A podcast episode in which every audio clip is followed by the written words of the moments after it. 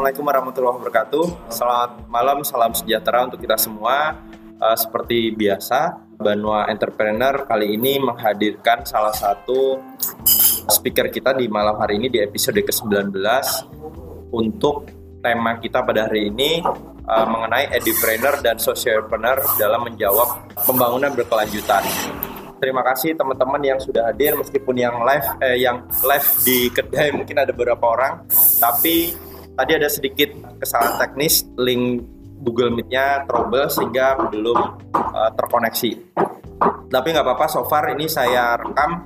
Nanti teman-teman yang tidak bisa mengakses di Google Meet bisa uh, ngecek di podcast BSE podcast kita dan juga uh, saat ini kita juga live di Instagram di akun Banua School. Mas Asri, malam hari ini kita ngomongin masalah edupreneur dan social entrepreneurship.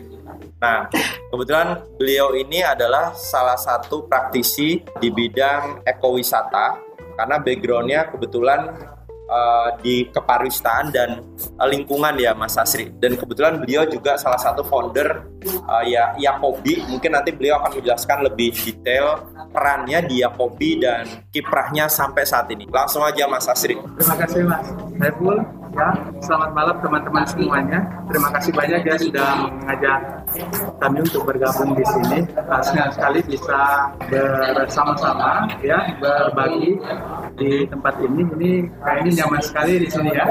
Di Amin, insya Allah. Pawun Panjapa ya Mas. Yes. Eh, Pawun Panjawa Pawun kayaknya nama Jawa ini ya Mas. Pawon nama Jawa, Mas Asri. Ah, Oke. Kalau Van Java itu sebenarnya ngadopsi dari Jawa Barat sih, gitu ya. Eh, karena waktu itu menu kita ada menu khas Jawa sama Jawa Barat, makanya dikombinasi Pawon Van Java. Berarti bukan cuma kopi aja ya? Bukan kopi aja. Artinya juga selain kita bisa ngopi juga bisa pesan makanan gitu ya. Betul. Oke. Ya. Tapi ini sangat menarik sekali ya Mas ya karena uh, apa kita berbicara tentang edupreneur dan socialpreneur. Yes. Tapi sebelumnya juga saya ingin mengucapkan terima kasih banyak kita sudah mengundang di hadir di sini ya di tempat ini untuk bisa sama-sama berbagi. Hmm. Sebelum Mbak perkenalkan, nama saya Asri. Yes.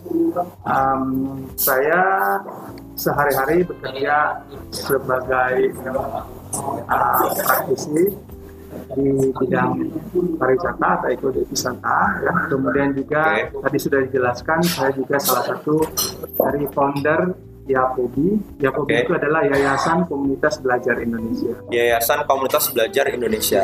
Itu isinya teman-teman yang ada di Berau atau mencakup seluruh wilayah Indonesia, Mas Asri? Uh, sejauh ini sih kita itu uh, di Berau aja mas. Jadi kita lebih Oke. fokusnya ke lokal. Ya, um, kita memang organisasi lokal tetapi terdaftar di nasional. Terdaftar di nasional. Ya, jadi organisasi lokal tapi terdaftar nasional. Oke, Mas Asri, eh, kalau boleh tahu itu start start bisa mendirikan Yakobi tahun berapa? Terus alasannya kenapa harus mendirikan Yakobi? Padahal kan di Berau ini juga banyak yayasan lembaga pendidikan gitu. Oh iya mas, ini kayak pertanyaannya Nggak, mungkin ada ada value yang dimiliki oleh Yakobi sehingga Yakobi masih terus eksis sampai sekarang gitu. ya, jadi uh, Yakobi didirikan di tahun 2011 ya, Oke, tepatnya 2011. tanggal 18 Agustus 2011. Aha. Jadi se- sekarang sudah sekitar uh, 9 tahun ya mas. 9 tahun. Ya. Oke. Jadi alhamdulillah masih bisa eksis sampai sekarang. Um, salah satu alasannya bahwasanya kita melihat uh, banyak sekali generasi muda kita yang mereka memiliki chance untuk bisa berkembang Hmm. dengan baik, untuk bisa mengakses pendidikan yang lebih luas, namun uh, ada ada batasan yang dihadapi. Oke. Kemudian um, kita menyadari juga bahwa uh, kita ingin melakukan aksi-aksi sosial yang berdampak luas kepada masyarakat. Oke. Nah, tapi dari sektor pendidikannya ini yang kita pengen garap. Jadi memang Yakub itu lebih banyak fokusnya ke ya, pendidikan, Pendidikan, lingkungan, lingkungan, ya dan uh, lingkungan dan juga ke pariwisata. kepariwisataan. Oke. Nah, sekarang yang berjalan itu programnya apa aja Mas Hasri? Yang mungkin termasuk saya, saya waktu itu kan sempat uh, ikut belajar lah ya, belajar sama Mas Asri. Kemudian ada beberapa teman-teman yang waktu itu organisasi V4F kalau nggak salah kerjasama sama teman-teman di Yakobi. Uh, mungkin ada program lain yang mungkin bisa disampaikan biar teman-teman juga tahu gitu Mas. Iya, jadi uh, program Yakubi itu salah satunya adalah pendampingan masyarakat. Oke. Okay. Ya, jadi kita punya program uh, penguatan kapasitas masyarakat. Oke. Okay. Ya, kemudian uh, yang lainnya juga adalah salah satu misinya Yakubi itu adalah menginggriskan berau makanya pengembangan penguatan di sektor uh, bahasa Inggris juga kita bahasa Inggris, okay. kemudian di pendidikan juga ya. Okay. Di sejak awal sih kita menyadari bahwa uh, ruang ruang ini harus diisi dan di, khususnya kepada generasi muda. Jadi kita berusaha untuk bagaimana memberi dia uh, peluang untuk bisa berubah. Makanya tagline-nya apa uh, Yakub itu adalah nurturing people, transforming life. Jadi transforming life. Ya, nurturing people, transforming life. Jadi artinya kita berusaha bagaimana memberi uh, uh, pendidikan, hmm. berusaha bagaimana memberi dia ruang belajar yang baik, kemudian hmm. mendorong dia, mendidik dia, sehingga kelak dia bisa uh, mengubah hidupnya menjadi lebih baik. Jadi ber, ber, bertransformasi menjadi lebih baik. Oke. Okay. Nah, ruang-ruang ini yang kami buka okay. seluas-luasnya uh, di, di tiga sektor yang tadi ya. Jadi kita memberi ruang untuk edukasi pendidikan sendiri, mm-hmm. kemudian di lingkungan, mm-hmm. ya, dan uh, di pariwisata. Nah, penguatan di bahasa Inggris sendiri itu sebenarnya bahwasanya uh, ruang ini juga perlu gitu. Oke. Okay. Yang kita beri karena uh, salah satunya adalah bagaimana mengisi uh, apa ruang di bahasa Inggris menjadi salah satu penguatan kita karena kita menyadari bahwa Beral sendiri merupakan salah satu destinasi wisata unggulan di Kalimantan. Oke, okay. destinasi wisata unggulan di Kalimantan Timur. Nah mungkin teman-teman uh, di sini ada yang belum tahu mengenai Yakobi ya. Yakobi itu memang konsennya adalah uh, tadi yang dijelaskan Mas Hasri lebih kepada penguatan pendidikan di wilayah Kabupaten Berau bukan hanya bahasa Inggris tetapi kepariwisataan juga iya karena dua-duanya sangat berhubungan ya Mas Hasri dan lingkungan juga Mas. dan dan lingkungan hidup. Nah uh, kita tahu bahwa Berau itu adalah uh, kabupaten yang memiliki sumber daya alam yang cukup melimpah ya bukan hanya yang diperbarui dan yang tidak diperbarui juga banyak gitu. Nah salah satunya yang uh, dapat diperbaharui adalah potensi eh, ekowisata ya sumber daya alam misalkan bahari ya kayak uh, di Biduk-Biduk, Maratua, uh, Derawan dan lain-lain. Nah, konsep pengembangan kepariwisataan yang di uh, apa kolaborasikan dengan uh, pendidikan bahasa Inggris ini sebenarnya sejalan dengan program yang ditetapkan oleh Kabupaten Berau yang saat ini Yakobi juga sudah uh, berperan di kegiatan ini gitu ya Mas ya. Ya Mas, jadi memang um, apa ya di menurut kita bahwa sejak awal kita memang pertama bahwa saya kita pengen berkontribusi. Oke. Okay. Kita pengen menjadi bagian yang mengambil peran dalam bagaimana meningkatkan kapasitas masyarakat. Hmm. Ya, bagaimana mendorong generasi muda untuk bisa berkembang dan mengambil peran. Oke. Okay. Itu yang pertama. Hmm. Kemudian yang uh, kemudian yang kedua adalah bagaimana kita bisa membuka akses pendidikan yang lebih baik uh -huh. pada generasi muda ini sendiri. Oke. Okay. Jadi sehingga nanti dia bisa menguatkan dirinya. Oke. Okay. Nah, di bagian dari uh, bagaimana mendorong penggunaan uh, apa penggunaan bahasa Inggris secara luas di Kabupaten Berat sendiri itu untuk mendukung program pemerintah mm-hmm. dalam kepariwisataan karena kita tahu bahwa uh, pariwisata merupakan salah satu uh, uh, sumber eh, pendapatan daerah yang lagi digenjot nantinya untuk yes. bisa menggantikan peran sektor, sektor lain sektor lain ya sehingga nanti ke depannya okay. ini bisa menjadi sektor utama. Oke, okay, siap. Uh, Mas Asri, kalau berbicara sasaran ya, sasarannya itu apakah uh, ada um, apa ya semacam donasi atau mungkin bantuan pada teman-teman yang mungkin ada yang di wilayah pedalaman katakanlah di biduk-biduk kemudian kelai atau maratua gitu yang dilakukan uh, apa ya pendidikan secara gratis buat mereka gitu mas dari Yakobi atau ada program yang dijalankan oleh Yakobi uh, sebagai bentuk uh, pelaksanaan atau kemitraan dengan pemerintah atau NGO yang lain gitu mas? Uh, sejak berdiri di tahun 2011 kita juga sangat uh, bersyukur ya karena didukung oleh pemerintah maupun juga lembaga uh, apa NGO, NGO lainnya. Oke. ya, lembaga sosial mas swadaya masyarakat lainnya. Jadi inilah membuat uh, kita bisa bergerak bersama karena kita menyadari bahwa di awal kami mem- apa mem- men- menjalankan organisasi ini betul-betul kami memulai dari bawah gitu ya. Oke. Artinya pertama bahwa resources yang kita gunakan adalah resources lokal yang Oke. betul-betul kita berusaha bagaimana bisa mendampingi mereka sehingga mereka juga bisa berhasil dan alhamdulillah Hmm. se- ya sejauh ini alhamdulillah ya mereka uh, menurut kacamata saya Yes. ya berhasil gitu ya berhasil karena apa bisa mengubah uh, mentransformasi Aha. ya dari hal biasa menjadi menjadi luar biasa Luar biasa. Ya, artinya mereka bisa Ya. berkembang lebih Yes. ya Uh, saya kedua Ah. awalnya bahwasanya banyak program yang kami lakukan mas dari Oke. sejak jadi berdiri 2011 itu 2011 juga kita melakukan kegiatan ada kita punya project awalnya itu bekerja sama dengan Rekognisi Oke. Bogor dan uh, Bangkok kayaknya beberapa tahun itu tentang uh, perubahan iklim perubahan iklim. Oke. Ya, jadi ya dan yang menghimpun dengan sasarannya itu kalau tidak salah itu ada empat sasaran.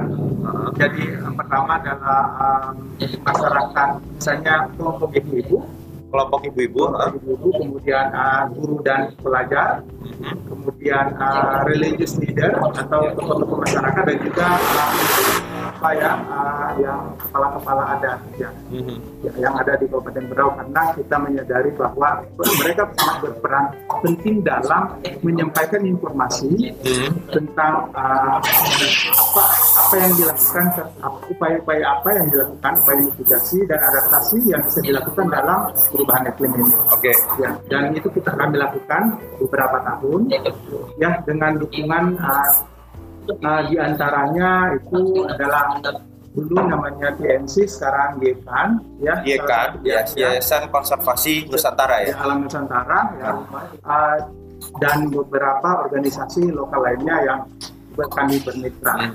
Oke. Jadi, Hmm.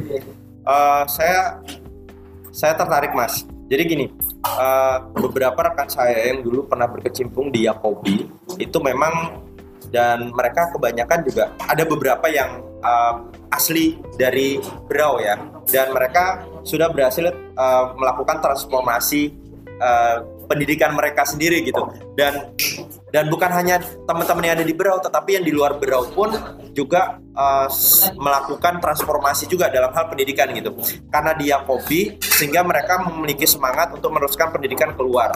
Kemudian karena Yakobi juga mereka juga bisa melakukan kegiatan sosial kemasyarakatan yang ada di wilayah Berau gitu dan itu saya tahu ceritanya gitu nah sekarang yang eh, apa ya yang dampak tadi sudah Mas Asri jelaskan ya dampak secara langsung bagi masyarakat dan buat teman-teman anak muda di wilayah Kabupaten Berau. Kalau tadi Mas belum saya ini bahwasanya kita juga punya program ya dari hulu ke hilir ya. Ah. Jadi integrasi antara hulu ke hilir kita punya program. Oke. Ya, jadi sejak awal misalnya di tahun 2000 tahun 2000 uh, yang paling tahun 2017 kemarin itu kita punya program namanya Youth Green Camp. Youth Grand Ya, Camp. Youth Green Camp itu atau uh, program penanaman pohon dan kampanye apa dan kemah alam. Youth Grand Camp itu untuk anak muda, Mas. Ya, jadi sasaran kami waktu itu adalah pelajar SMA di Ah. Tanjung Gredek dan juga di uh, Kelai karena waktu itu kita tempatnya kita di hutan lindung Sungai Lesan. Oke. Jadi mereka Saya gini.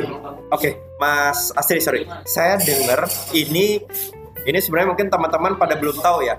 Itu kalau nggak salah itu yang eh, kegiatan yang dilakukan di pada saat musim panas ya. Ya, uh, jadi jadi kan saat ini tahun jadi sebelumnya itu kita dulu nih ada program, tapi sekarang itu juga ada program yang masuk ke kawasan yang sama Oke. tahun sejak tahun 2019 ya. Jadi tapi itu kita memulai program kita dulu karena memang kalau yang yang ada yang masuk yang pada musim panas itu memang ada kunjungan sekitar 150 pelajar dari enam beberapa negara di luar negeri yang datang ke Kabupaten Berau Aha. untuk melakukan uh, kegiatan kayak educamp gitu. Itu um, pesertanya dari luar negeri. Ya dari luar negeri. Tapi kami sebelumnya di tahun 2017 itu sebelum isu ini datang, Hmm. ya kita udah memulai program yang sama, ya yang hampir sama. Jadi kami waktu itu hanya berpikir bahwasanya bagaimana sebenarnya mengedukasi masyarakat khususnya pelajar ini tentang hutan. Oke. Karena sebenarnya banyak sekali anak-anak di sini tuh meskipun tinggalnya di Berau tapi kan sangat jarang tuh masuk hutan ya kan. Betul betul. Jadi sedangkan uh, kita itu apa uh, hutan itu ada di merupakan bagian terpenting dari kita. Betul. Nah untuk itu waktu itu sangat sing apa uh, idenya sih sangat sangat sederhana bahwa bagaimana caranya yang pertama uh, mengimpor- memberi, memberikan pelajaran kepada anak-anak muda ini pelajar ini tentang hutan dan fungsinya. Yang Hmm. kedua adalah bagaimana mem- apa, membuat hubungan yang baik antara pelajar di kota dan pelajar di kampung Oke. ya karena di kecamatan kita ngambilnya juga di kecamatan Kelai dan Oke. kampung di sini sehingga mereka bisa saling berbagi Sharing, kisah, sharing informasi Hmm, dan benar-benar. pengetahuan. Oke. Nah itu kami waktu itu kami lakukan sekitar empat hari ya Empat hari itu per berapa tahun mas? empat hari. Jadi sebenarnya sih kami pengennya itu kalau bisa itu menjadi sebenarnya itu menjadi program tahunan ya. Oke. Tapi tahun lalu tidak sempat karena ternyata ada program lain yang masuk juga Hmm. yang dari ini dan Yakobi itu juga diminta untuk mendam- men- menjadi bagian dari program itu ya. Itu karena, sorry karena mas. sejak awal Ya, Yakobi se- selaku IO event organizer. eh, kalau dibilang IO juga iya tapi juga bukan karena Oke. sejak awal di di Lesan Dayak itu ada organisasi yang mendampingi masyarakat Mhm. ya namanya uh, OET uh, uh, ya kemudian ketika programnya mereka untuk ekowisata itu dikucurkan Mhm. dan dari luar negeri ada program virtual masuk Oke. Uh, mereka meminta Yakobi untuk mendampingi masyarakat jadi kami di sana selama enam bulan jadi mendampingi masyarakat tentang bagaimana penguatan kapasitas bahasa Inggrisnya Oke. kemudian bagaimana juga berbagi pengetahuan tentang pengelolaan wisata karena masyarakat sendiri di sana itu juga perlu dampingi tentang wisatanya. Luar Kami yang biasa. mengambil peran itu, sehingga, Mhm. nah ketika pelajar dari beberapa negara itu masuk, sebagian besar ya Kubi sendiri terlibat aktif di dalam kegiatan itu Aha. dari persiapan sampai semuanya selesai. Ya, jadi dan Keren, kami dan kami mengambil banyak pelajaran ke- em- dari kegiatan-kegiatan mereka yang kemudian kami berpikir bahwa oke karena di tahun 2017 kami melakukan kegiatan yang sama meskipun kami belum tahu kegiatannya kalau internasional seperti ini Yes. ketika kami seka- sekarang maksudnya setelah mengikuti kegiatan mereka juga terlibat aktif di dalamnya hanya beberapa poin-poin yang hmm, kayak bagus ke depannya itu bisa di apa ya diadopsi Oke. diadopsi ya ya karena betul-betul kalau yang internasional itu memang betul-betul itu scientific way, scientific base itu mereka lakukan gitu bukan hanya mengenalkan hutan tetapi bagaimana juga melakukan riset-riset kecil Mhm. yang nantinya sangat penting bagi uh, generasi muda mereka. Oke. Nah, itu yang juga menurut kami juga. Yang tapi yang lebih menariknya adalah Hmm. kegiatan penanaman pohon yang kami lakukan sejak awal Mhm. itu juga kami apa memberikan informasi ke program ini bahwa Mhm. kenapa tidak dilakukan penanaman pohon sehingga setiap batch-nya itu ada karena pohon yang kami tanam itu waktu kami satu, satu tahun eh mau dua tahun itu sudah sebagian sudah berbuah gitu Oke. Ya, jadi itu juga uh, ke depannya bisa menjadi bagian dari bagaimana membuat kampung Lesan Dayak sebagai Iya. salah satu uh, apa de- destinasi pertama ketika mau ke, masuk ke hutan lindung Sungai Lesan itu menjadi uh, tempat wisata ya Oke. salah satunya yang bisa didapatkan masyarakat melalui penanaman pohon buah ini. Yes. Uh, inspiratif yang saya ketahui Mas hutan lesan itu masuk dalam uh, KPH ya kalau nggak salah kawasan hutan lindung ya Mas ya Iya. kawasan hutan lindung dan mungkin teman-teman pada belum tahu ternyata di Sungai Lesan itu pernah dilakukan semacam summer school ya kayak model sekolah alam gitu ya dan pesertanya bukan hanya dari Indonesia tetapi dari luar negeri juga ada gitu. Kenapa orang luar negeri tertarik dengan Berau? Karena Berau memiliki sumber daya alam cukup melimpah ya teman-teman. Kita punya hutan lindung Sungai Lesan, kita punya Merabu, kita punya biduk-biduk, Maratua, Jadi mulai dari pesisir sampai ke da- darat itu benar-benar komplit gitu. Nah makanya eh, masyarakat luar negeri itu banyak tertarik dengan Kabupaten Berau salah satunya. Nah, makanya salah satu kegiatan yang diselenggarakan ya termasuk Yakobi yang berperan aktif di sini de- kerjasama sama Iya, Yayasan. Konservasi Alam Nusantara ya Mas ya. Ah, iya, waktu itu dia namanya OET. OWT ya. OET, o- uh, operasi operasi Walasia terpadu. Operation Walasia. Operation Malaysia Terpadu. Iya. Jadi Karena eh, dia memiliki waktu itu memiliki proyek di ah, uh, pendampingan di uh, empat kampung di kecamatan Kelai. Kelai. Kecamatan, ya kecamatan Kelai termasuk di dalamnya itu adalah kampung Lesandaya. Kapur Lesandaya. Oke. Jadi ya, salah satunya adalah kampung Lesandaya. Ya. Eh, ini mungkin teman-teman banyak background ya, dan mungkin bukan dari kehutanan atau lingkungan gitu ya. Ini sebagai info bahwa dengan keanekaragaman hayati Berau ya Mas Asri ya yang begitu melimpah, kita kan negara tropis ya, hutan hujan tropis, tropika basah gitu. Nah, jenis keanekaragaman makhluk hidup, eh, hewan, tumbuhan itu sangat eh, kaya sekali. Makanya masyarakat luar negeri senang gitu datang ke Indonesia. Karena kalau di luar negeri mungkin ya saya nggak pernah ke daerah luar negeri. Cuman rata-rata mereka kayak di Eropa kan relatif homogen ya. Cenderung sama hutannya gitu biodiversitasnya atau keanekaragamannya nggak setinggi kayak Indonesia makanya mereka ketika ada program yang digagas oleh OWT tadi kemudian kerjasama Opal internasional ya. Yes. Kemudian Yakobi, kemudian ada Yayasan Konservasi Alam Nusantara, mereka tertarik be- belajar di sini nih, gitu. Nah, justru kita termasuk saya sendiri belajar ke hutan-hutan itu udah apa ya, jarang banget. Paling ke sana ya kalau ada destinasi wisata gitu. Tetapi ini bisa di, menjadi salah satu uh, value atau nilai yang cukup oke lah ya, cukup unik kombinasi antara wisata kemudian uh, ekologi ya, ekologi atau hutan hujan tropis yang bisa kita sajikan. Dan Mas Asri salah satu pegiat atau praktisi yang konsen di sini gitu. Nah, uh, kenapa kemarin menjawab pembangunan berkelanjutan? Mungkin teman-teman pernah dengar ada istilah sustainability development. Nah, pembangunan berkelanjutan itu menitik beratkan bukan hanya aspek uh, ekonomi ya atau finansial. Kalau misalkan kita bekerja berusaha, misalkan mas-masnya ada yang Mas Rio misalkan punya kedai kopi, tetapi beliau juga berperan aktif untuk mengembangkan petani kopi gitu. Nah itu kan berarti ada sentuhan sosial yang bisa dibentuk oleh teman-teman gitu sehingga uh, akan mendukung pengembangan atau pembangunan berkelanjutan. Seperti Mas Asri, Yakobi didirikan atas semangat teman-teman untuk membangun Berau. Bukan hanya aspek ling, eh, apa aspek pendidikan, tetapi lingkungan hidup juga berperan dan juga wisata. Jadi sinergi gitu ya Mas ya. Oke. Eh, dari sini mungkin teman-teman ada yang mau bertanya ya atau diskusi. Lanjut Mas. Saya Boleh langsung langsung. Mas. Banyak-banyak juga enggak Bapak. Banyak juga nggak apa-apa. apa-apa. saya Mas Diki dari Teluk Bayu. Eh, Eh, kebetulan saya tertarik sekali dengan pembahasan yang dilesan terkait dengan eh, apa tadi ekowisata ya di katanya. Nah saya dulu pernah pengalaman pernah ke sana dan ada juga kawan yang apa eh, dari lahir sampai bisa di sana. Nah ini pengalaman pribadi itu banyak sekali remaja-remaja di sana itu sekolah yang yang saya perhatikan ya dari teman saya cerita.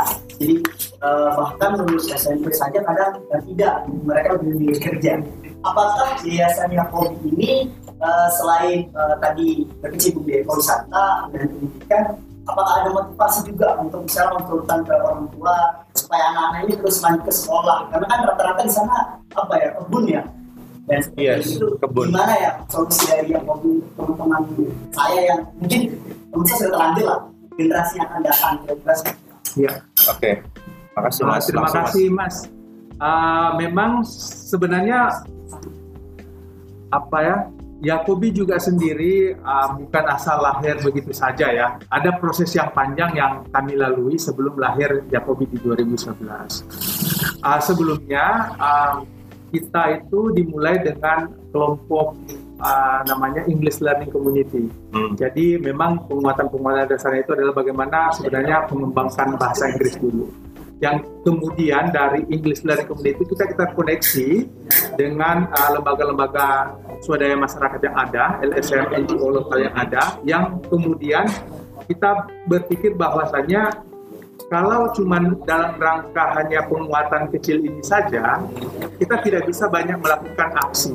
Kita ingin banyak berdampak ke masyarakat.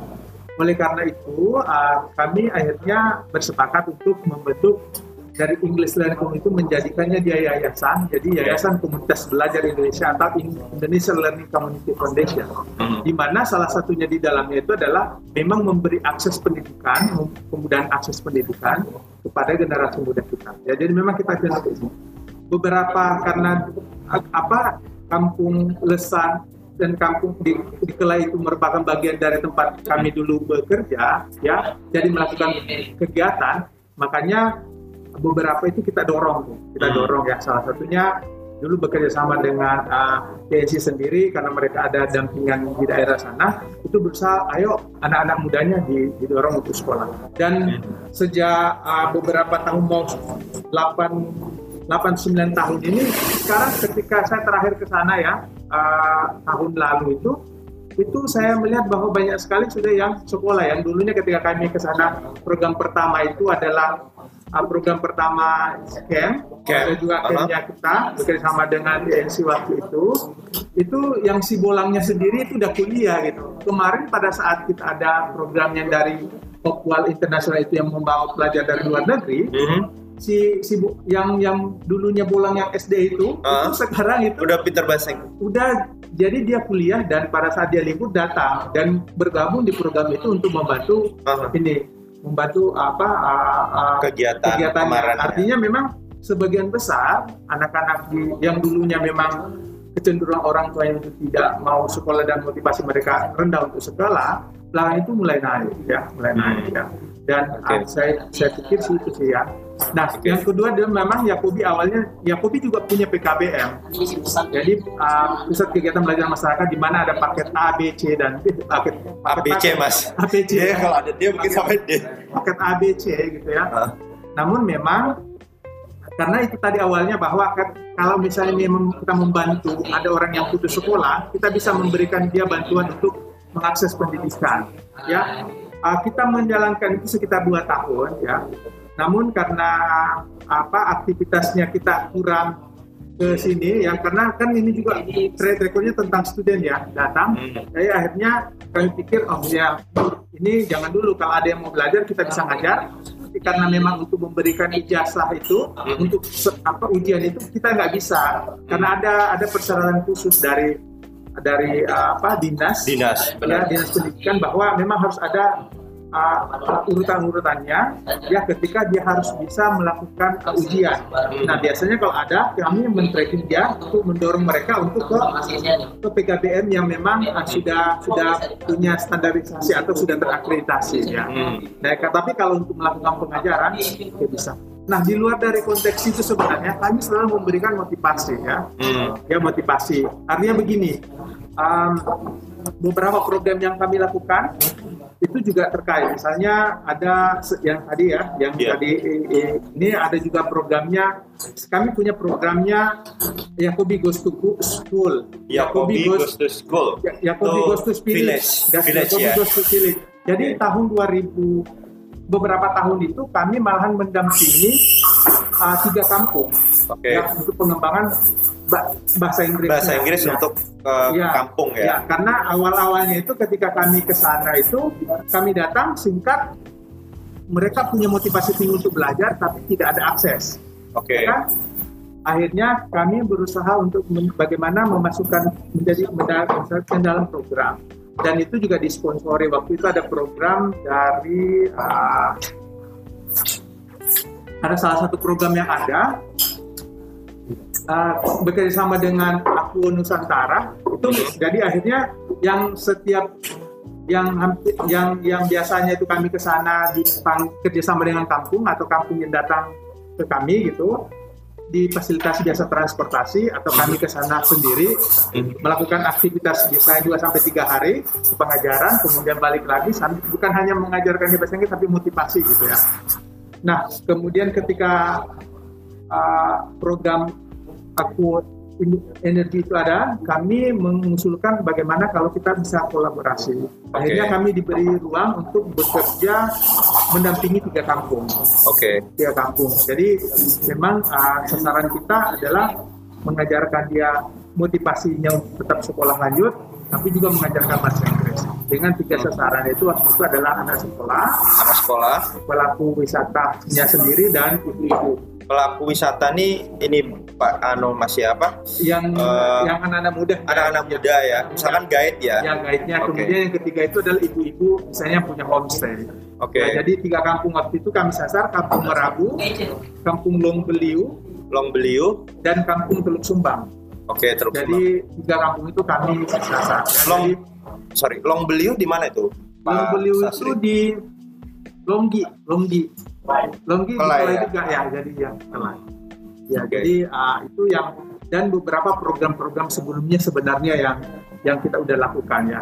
Ya kita udah lakukan. Nah belakangan ini ah, kami tetap aktif melakukan pendampingan ya. Sekarang kita lebih fokus kepada pengembangannya juga di sektor pariwisata. Ah, ya ah, tahun lalu kita mulai membuka satu program kembali namanya English Camp for Hmm. Tourism. Jadi pelaku-pelaku wisata di beberapa kita di beberapa empat atau lima ya, mulai dari ada Marat, uh, Maratua, Derawan, Tanjung Batu, uh, Semanting, kemudian Sendayak, Merabu, Tanjung Bradap itu kita ga- gabungkan himpun mereka di dalam satu rumah di ya kita fasilitasi itu mereka tinggal 10 hari.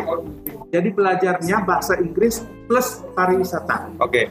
Jadi mereka memang ya ya namanya ini jadi ya belajar bahasa Inggris, bagaimana berkomunikasi bahasa Inggris, mengetahui. Tetapi juga kita menyisipkan itu uh, tentang kepariwisataan. Jadi belajar bagaimana menjadi seorang pemandu yang baik, bagaimana melayani, gitu, bagaimana konsep pariwisata itu baga- bagaimana, ekowisata itu apa gitu. Oke. Jadi memang kita menyisipkan ini supaya mereka selain belajar bahasa Inggris juga Yes. punya kekuatan. Nah, terakhir ini baru-baru bulan belum sampai bulan ya bulan lalu ya, bulan 9 ini bulan 9 September kemarin ini ah, baru aja itu kami baru saja juga melakukan program yang hampir sama ya namanya kami beri nama Basic, uh, Basic English Learning in COVID-19 Hours. Ya Oke. jadi jadi karena ini COVID jadi kita tidak bisa lagi merumahkan mereka. Aha. Jadi kami tetap memberikan mereka pelajaran selama 10 hari Oke. khusus untuk pelaku teman-teman pelaku wisata. Namun durasinya memang kita persingkat gitu ya. Persingkat pertemuannya juga tidak full satu hari, tetapi ada selama 10 hari dan itu juga belajar bahasa Inggris plus pariwisata. Bahasa Inggris plus pariwisata. Ya. Jadi kita ngajarkan Keren, dia keren. tentang kita ngajarkan dia selain bagaimana mengenalkan diri gitu. Bahasa Inggris juga kita mengajarkan dia bagaimana ketika belajar tentang time, kita juga mengajarkan dia tentang itin, membuat itinerary, Ah. kemudian belajar tentang ah, apa ya ah, hospitality, Ah, ya keramah-tamahan, bagaimana menjadi pemandu, kemudian uh, ekowisata, Oke. apa-apa itu itu konsep-konsep yang itu yang kita juga kemudian cross culture understanding. Oke. Jadi kita memasukkan apa materi ini dalam pengajaran kita sehingga mereka juga bisa mendapatkan insight ya bahwa sebenarnya pariwisata begini loh, bukan cuma hal yang dia hadapi saat ini, tapi ada hal-hal lain yang sederhana mungkin tetapi itu menunjang pelayanan. Oke. Siap. Gimana Mas? Kejawab. ya tapi eh, ini dalam arti memberi yang bisa bertemu anak-anak di sana ketika masnya eh, mengajarkan tadi katanya masih Iya. Ya, jadi jadi uh, apa konsep kita itu ada yang jadi uh, ada yang berbayar, ada yang tidak. Ya, jadi selama ini sih biasanya uh, kami awal-awalnya kami pergi dengan dukungan swadaya sendiri, ya pergi ke kampung satu dua hari tinggal bawa sendiri bekal gitu di fasilitas kampung biasa tinggal di tempatnya dilakukan itu. Kemudian juga kadang-kadang kami juga dapat sponsor, ya dapat dukungan sponsor ya. Bagi teman-teman itu misalnya dari perusahaan, salah satunya juga itu yang mendukung kami adalah uh, Gropol juga Gropol, ya. Gropol juga Oke. membantu yang membantu kita di beberapa kali program kita yang kita lakukan gitu ya. Aha. Jadi itu juga. Nah, memang ini yang yang ini Dan kami sendiri menyadari bahwa selama ini kami tidak memiliki donatur tetap ya untuk melakukan program sejak awal. Hmm. Ya, memang sejak awal kita membuka donasi, tetapi hanya berjalan sekitar satu tahun setengah dan kita tutup, ya kita tutup. Kemudian kita mulai berkonsentrasi bagaimana tetap menguatkan kapasitas kita dengan tidak terlalu banyak mengharapkan dari ini, ya dari luar. Karena kita meyakini bahwa sebuah organisasi itu jangan hanya pandai meminta, tetapi tidak bisa melakukan kalau tidak ada sumber lain gitu. Jadi kita bisa melakukannya sendiri gitu, bisa membuktikan bahwa kita mampu melakukan itu ketika tanpa du- ada dukungan atau tidak dukungan dari pihak lain karena kita sebenarnya memiliki resources yang kuat gitu. Nah Oke. itu yang kami lakukan selama ini. Ya kami sadari sampai saat ini pun kami juga tidak pernah mengajukan semacam apa uh, Funding. funding khusus ke pemerintah gitu untuk membantu kami padahal kami yayasan dan sudah bekerja selama 10 hampir 10 tahun gitu ya. Ya karena kami kami menyadari bahwa apakah sudah cukup dari awal kita sudah pada tahun ke-6, 7 dan ke-8 kita bilang ini kita sudah cukup namun ya kayaknya sih ya udah kita jalan aja kita jalan aja dulu kalau nanti mereka udah tahu bahwa rekor track record kita ada pastilah karena kan kita juga tidak pengen apa ya terlalu meminta gitu ya karena kami pada konsepnya adalah bagaimana tetap berkontribusi gitu Oke. berkontribusi. Kalau ke depannya ada yang berminat, ya oke dengan syukur alhamdulillah. Karena sebenarnya kami masih memiliki mimpi nih ya. Oke. Kami masih memiliki mimpi untuk membuat uh, apa? Yakobi Learning Center. Ya, Yakobi. Learning, ya, Yakobi Learning Center itu adalah kalau dulu kami punya itulah mimpi terbesarnya kami adalah satu memiliki tempat at least setengah hektar, setengah hektar di mana di dalamnya akan ada dilakukan misalnya apa kebun or- organik ya. Kebun organik, kebun oke. organik yang ada ya. Jadi memang orang belajar lingkungan di situ. Kemudian ada training center untuk belajar bahasa dan pengetahuan-pengetahuan lainnya ya. Yang kemudian juga ada misalnya ada office-nya sendiri ada perpustakaannya ada ruang belajar atau tempat menginap nah jalannya kami sudah buka dengan cara bekerja sama dengan uh, apa ya orang-orang dari luar negeri ya karena beberapa kali kami kedatangan volunteer dari luar Hmm. yang datang ke sini untuk membantu kami. Dengan konsep yang kita bangun ini bahwa mereka boleh stay dengan kita, tetapi dengan mengajarkan keilmuan yang dia miliki. Kalau dia ahli fotografi, kenapa tidak kita Hmm. dia mengajarkan orang fotografi gitu ya?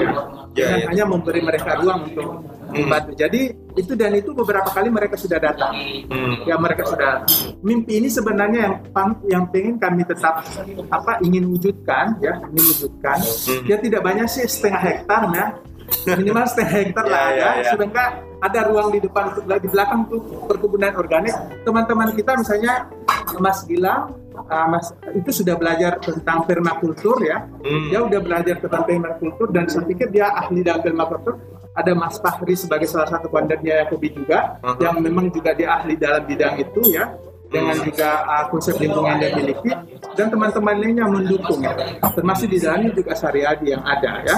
Jadi apa anak-anak muda yang ada di sekitar kita ini mereka memang orang-orang yang punya mimpi yang yang yang sampai saat ini pun kita masih pengen bahwa eh kita harus mewujudkan mimpi kita ini loh ya. Ya. Ya masih itulah untuk itulah saat ini Ya, ya, kami ya. masih berserak-serakan gini karena belum dapat tempat tapi Ya.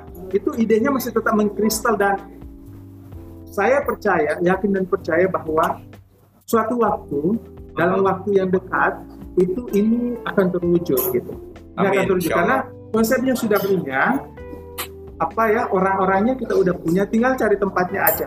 Pas siapa tahu Oke. melalui mudah-mudahan dengan perbincangan ini ada yang mau Amin. ya ada yang Amin, membantu insya Allah. gitu ya misalnya dia membantu ya. Ya. Seperti itu sih Mas jadi kita berharap misalnya kalau ada liburan anak sekolah yang perlu jauh-jauh ke mana gitu Hmm. datang ke tempat kita belajar bukan cuma belajar bahasa Inggris misalnya Ya. pengantar kita pastinya bahasa Inggris ya karena kita salah satunya itu adalah penguatan di situ Oke. juga, ya Salah satu value-nya bahasa awalnya bahasa Inggris ya, salah Mas. satu value-nya bahasa Inggris karena salah satu misinya ya Bukti adalah menginggriskan berau Oke. ya menginggriskan berau dalam konteks yang luas ini makanya banyak sekali program yang kami lakukan misalnya Goes to School, PEL, Pan English Hmm. Go Representation kemudian ada Hore Holiday Ramadan English itu kemudian ada ETT Enlightening Tutor Training jadi orang dan ini juga yang ini bahwa saya kami sendiri yang di Yakobi sendiri itu bahwa kalau anda masuk ke sana bukan hanya anda anda belajar Oke. di sini masuk ke organisasi tapi saya berharap bahwa anda apa yang anda inginkan mimpi-mimpi anda itu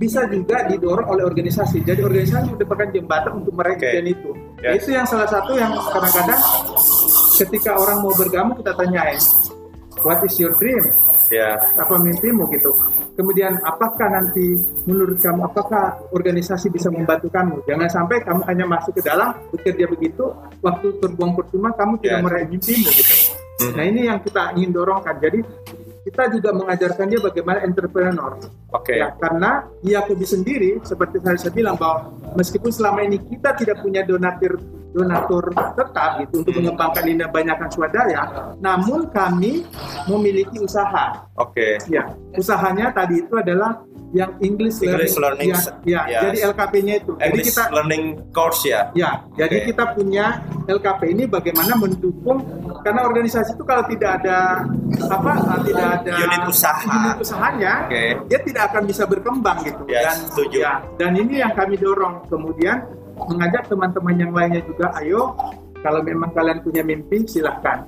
Beberapa teman-teman yang masuk itu dulu bilangnya kak saya kalau masuk nanti saya pengennya lebih konsen kepada mengajar Mhm. kemudian saya juga pengen sekolah ke luar negeri Hmm. Uh, beberapa itu sudah diberi sudah mendapatkan apa uh, aksesibilitas itu karena uh, beberapa tahun belakangan ini kita kayaknya sejak 2017 itu kita punya apa hubungan yang baik dengan kedutaan Oke. kedutaan Amerika salah satunya ya jadi uh, sejak 2017 itu sudah ada lima Hmm. uh, warga Berau ya Hmm. yang mendapat kesempatan ke Amerika secara gratis melalui Hmm. programnya melalui program program kedutaan Amerika ya yang kita berusaha untuk memfasilitasi jadi memfasilitasi artinya memudahkan bagaimana mereka mendorong lokal kita ini untuk datang kemudian bagaimana menghubungkan ke sana sehingga program itu bisa juga dia mengarah ke kita sehingga kita bantu ya. Dan tapi kita sih tidak ada intervensi bagaimana memilih enggak. Hmm. tapi bagaimana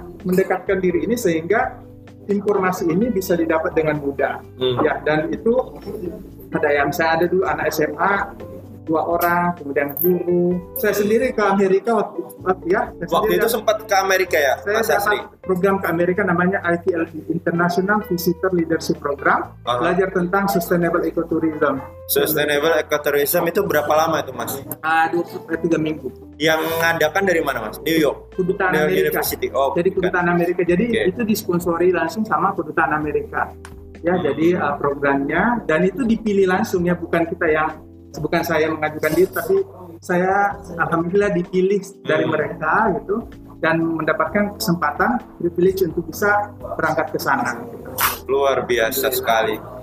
ya jadi ya itu juga sih sebenarnya mas jadi kemudian kita juga mendorong teman-temannya nah belakang ini uh, sejak beberapa tahun ini kita juga ada program namanya Yakobi Bacarita Hmm. Bacarita itu berbagi kisah mendebar inspirasi Oke. nah berbagi kisah mendebar inspirasi kita berharap bahwasanya inspirasi-inspirasi rekan-rekan yang lain ini bisa memicu Semangat, semangat buat teman-teman yang yang lain yang lain. Oke. Ya, jadi uh, itu sejak 2018 itu kita membuatnya secara offline, ya kita buat seminar besar.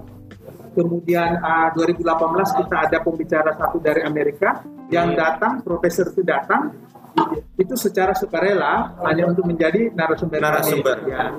Kemudian tahun 2019 kemarin itu kedutaan Amerika juga mengirimkan kami dua narasumber dari Amerika sendiri Ah, itu uh, dia uh, apa ya mereka datang ke sini gitu.